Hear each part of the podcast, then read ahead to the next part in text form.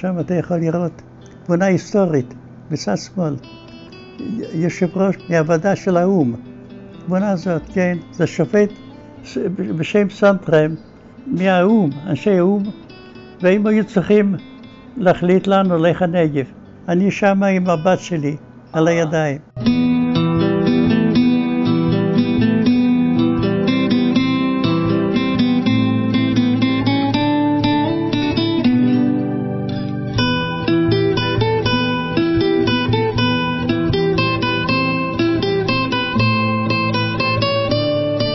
פגישה אישית עם עופר שמיר.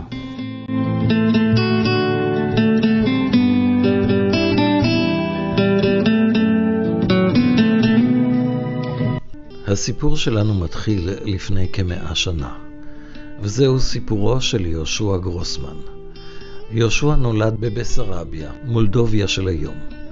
עם פרוץ מלחמת העולם השנייה, החל במסע חלוצי ארוך שבמרכזיותו הקמת קיבוץ ניר-עם ויישובי הנגב. אני נולדתי בבלסי בסרביה, היום זה מולדביה. אני למדתי בגימנסיה עברית עד גיל 16, באווירה ציונית. הבית שלי היה בבית מסורתי. אבא היה מתפלל כל יום, ממלא את כל תרי"ג מצוות, חג היה חג. בבית מסודר מאוד, בית יהודי. תמיד שמרו על החגים, על חג הפסח. פסח אימא, האמא הייתה כבר מתחילה להכין חודש ימים לפני זה. וככה אני גדלתי. מה הם עשו? היו סוחרים רגילים, אחים, יש שני אחים בקנדה ואחות בניו יורק, ואחות אחת נשארה עם ההורים והם נספו יחד עם כולם. בגיל 16 עזבתי את הבית לאזור הרומני. ידעו שהרוסים הולכים לכבוש את מולדביה, בסרביה נהפך למולדביה. אז החליטו שכמה שיותר חברי גורדוניה יעברו לצד הרומני, ושם יש סיכויים לעלייה. 16 שנה זה 1940. כן, בקיצור, חלק מהחברים, חברי נירם, הם עלו עם סרטיפיקט לישראל, ואנחנו נשארנו והיינו צריכים לנסוע בעלייה בלתי לגלית. נסעתי באונייה בלתי לגלית, באונייה בשם דוריאן, בדוריאן ב', והטלטלנו בדרך, ועלינו על סרטון, וסכנת תביעה. בסוף באו מהנמל והוציאו אותנו. מתברר שעולים צריכים להגיע עם ספינה מאירופה בנהר הדנובה. והדנובה נשפך לתוך ים השחור. תחכו שם, צריכים להגיע ספינה ויעבירו את הספינה הזאת לאונייה שלכם. חיכינו שם כמה ימים, מתברר ששם השמידו אותו בדרך. את הספינה. כן. טוב, אז אנחנו יוצאים לדרך, אז הם מודיעים לנו, אונייה בשם סלבדור, עם עולים, טבע בים השיש. יש ניצולים, את הניצולים החזירו אותם לבולגריה. תיסעו לבולגריה, לוורנה ותיקחו אותם. וכך אנחנו טלטלנו ארבעה חודשים על הים, זה היה כל החורף. נקלענו לכל מיני סערות, נכנסנו לאחד המפרצים של יוון, וביוון שם צעקו לנו, לכו מפה, אתמול רק הפציצו כאן. אני לא ידעתי מה זה פחד, אני רק חשבתי, אני נוסע לארץ ישראל. נהניתי, הסתכלתי כל הזמן על הים, למרות שהים היה סוער מאוד, וראיתי את ה... נהניתי מהדולפינים שהם קופצים מהים. וככה הגענו לחיפה, שם הבריטים רצו לשלוח אותנו לאריתריאה נדמה לי, ובלחץ של היישוב אז העביר אותנו למחנה הסגר, למזרע, זה אחרי עכו, ושם שהיינו שנה שלמה, במחנה הסגר היה בסדר. היה, היה כבר מקלחת, היה אוכל, הבריטים התנהגו די יפה, די קורקטים. במזרע נפגשתי עם מאנשי בית"ר, מהעיר שלי בלסי. הם היו אסירים פוליטיים, ואנחנו היינו, היינו מדברים בין הגדרות. הייתי שואל כל מיני דברים, הייתי שואל איך נראית תל אביב, העיר הראשונה. שאלתי אם השוטרים מדברים עברית למשל, שאלות כאלה. התיידדתי עם השוטרים הבריטים, עדיין עבדתי, עשיתי שם כל מיני עבודות עם שוטר, היה איתי, איתי כל הזמן.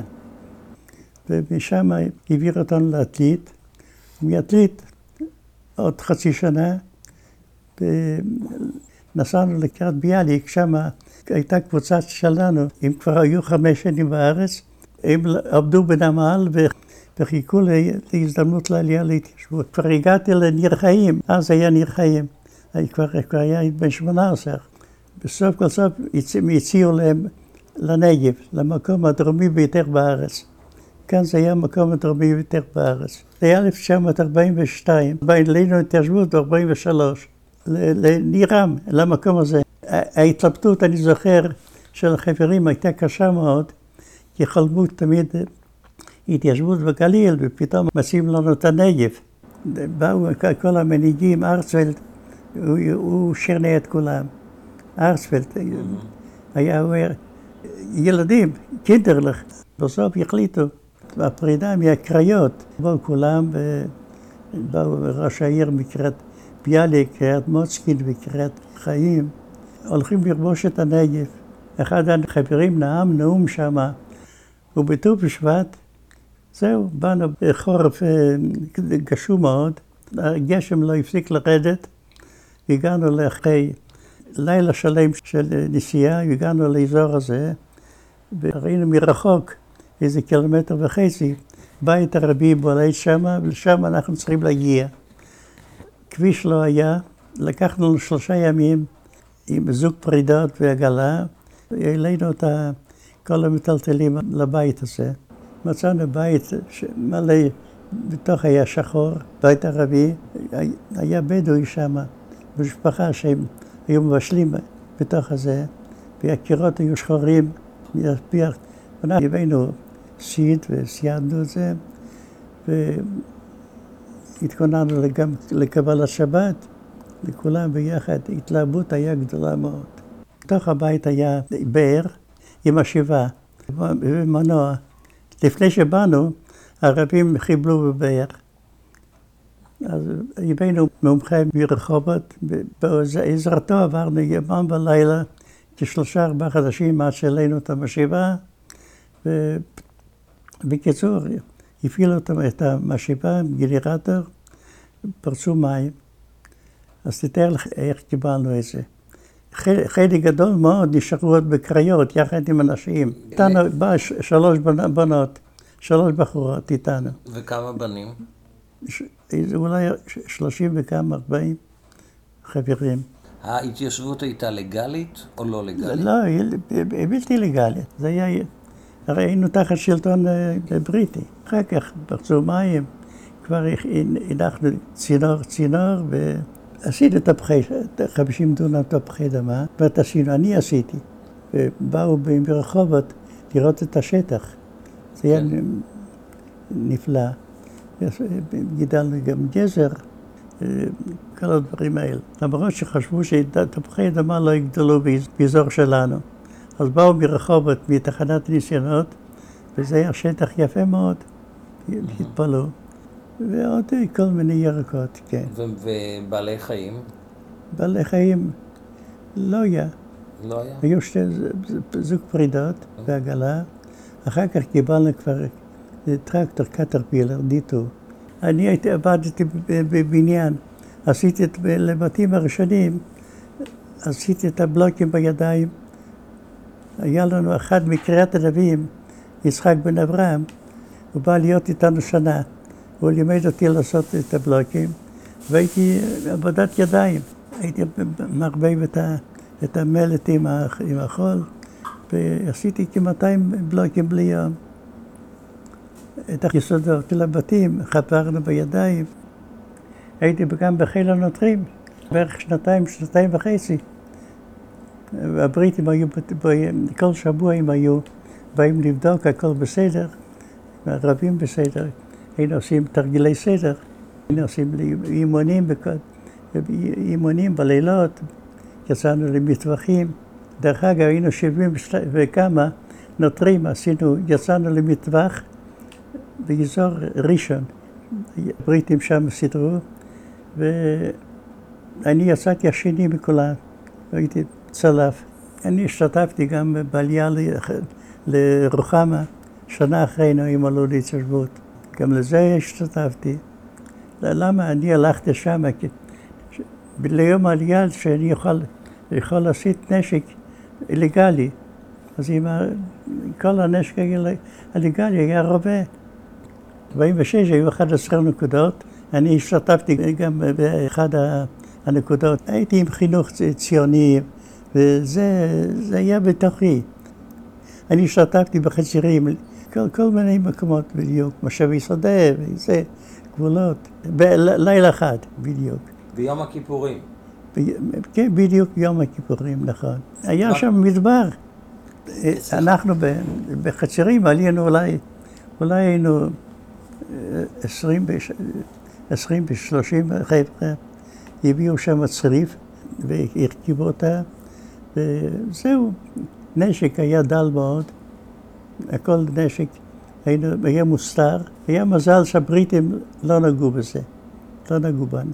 הייתי שם שבועיים ונסעתי הביתה, והם נשארו שם, מי שנשאר. פה באזור מצאו מים בכמה קידוחים והניחו קווים לנגב. וגם בזה אני השתתפתי בהרכבת קו המים וגם שמרתי על הקו, כי הבדואים היו שוברים את הקו והיו לקחים מים. אז בסוף סידרנו להם ברזים לאורך. מאיפה העברתם את המים? מהקידוחים שמצאו בנירם. התלהבות נעורים, אתה יודע, חינוך, חינוך, ציונות. היחסים הערביים היה די, די קורקטי. כן, עד 48.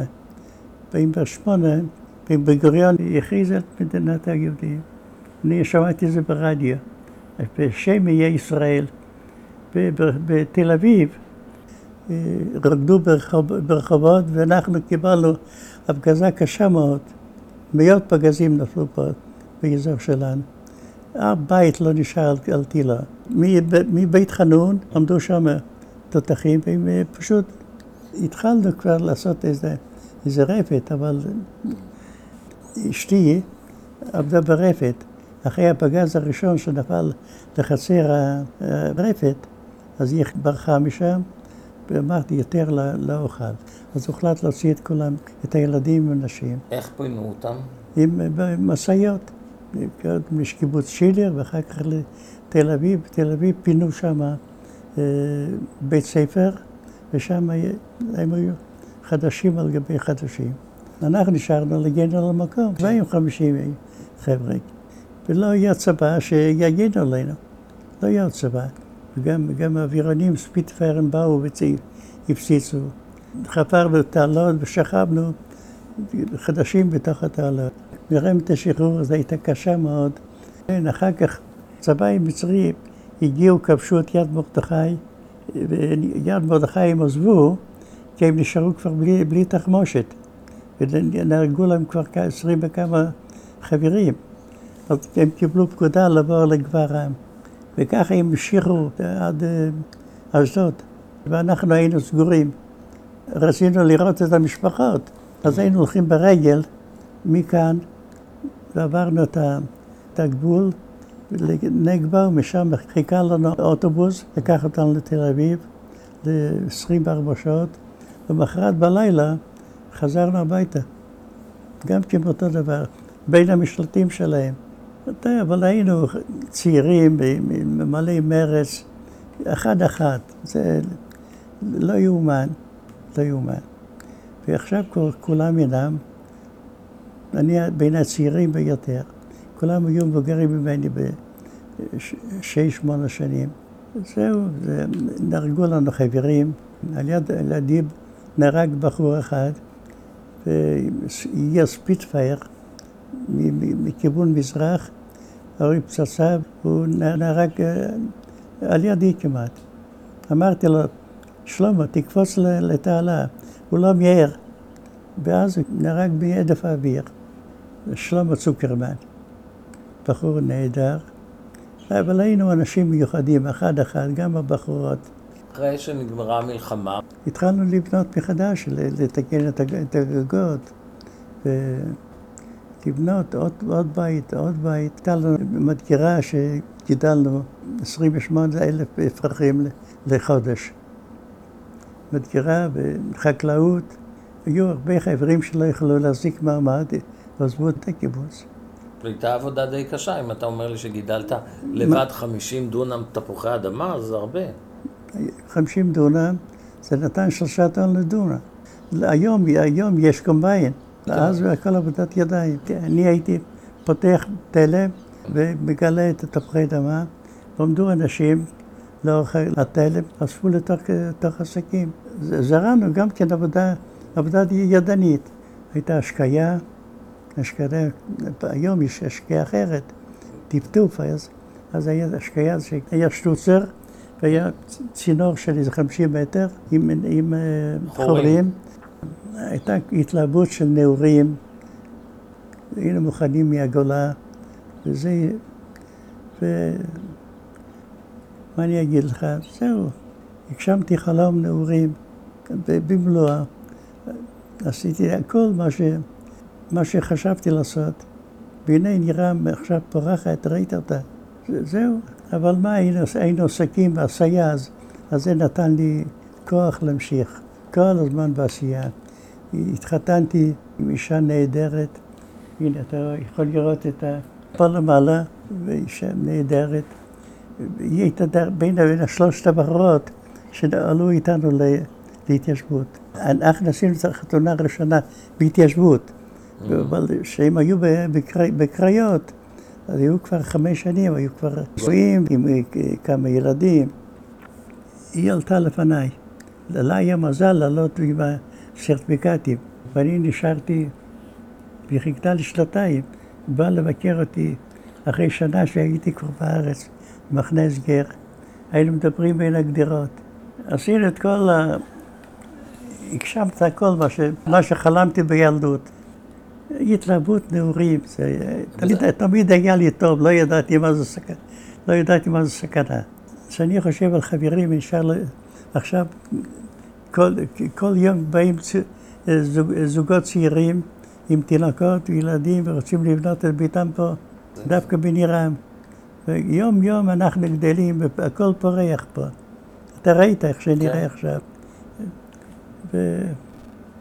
וזהו, עכשיו הנגב פורח, הנגב מלא עם, עם מפעלים, פרדיסים, ואז היה הכל ריק לגמרי, ריקנות איומה. אבל אני קיבלתי את זה. אני לא תמיד כזה רגשי, אבל בזמן האחרון, אני לא יודע, או שהעייפות כזאת, אני בן 99.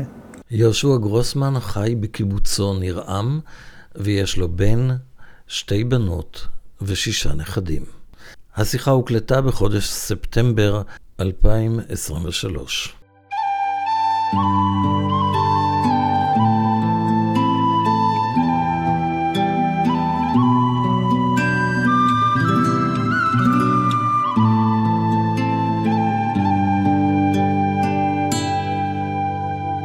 פגישה אישית עם עופר שמיר.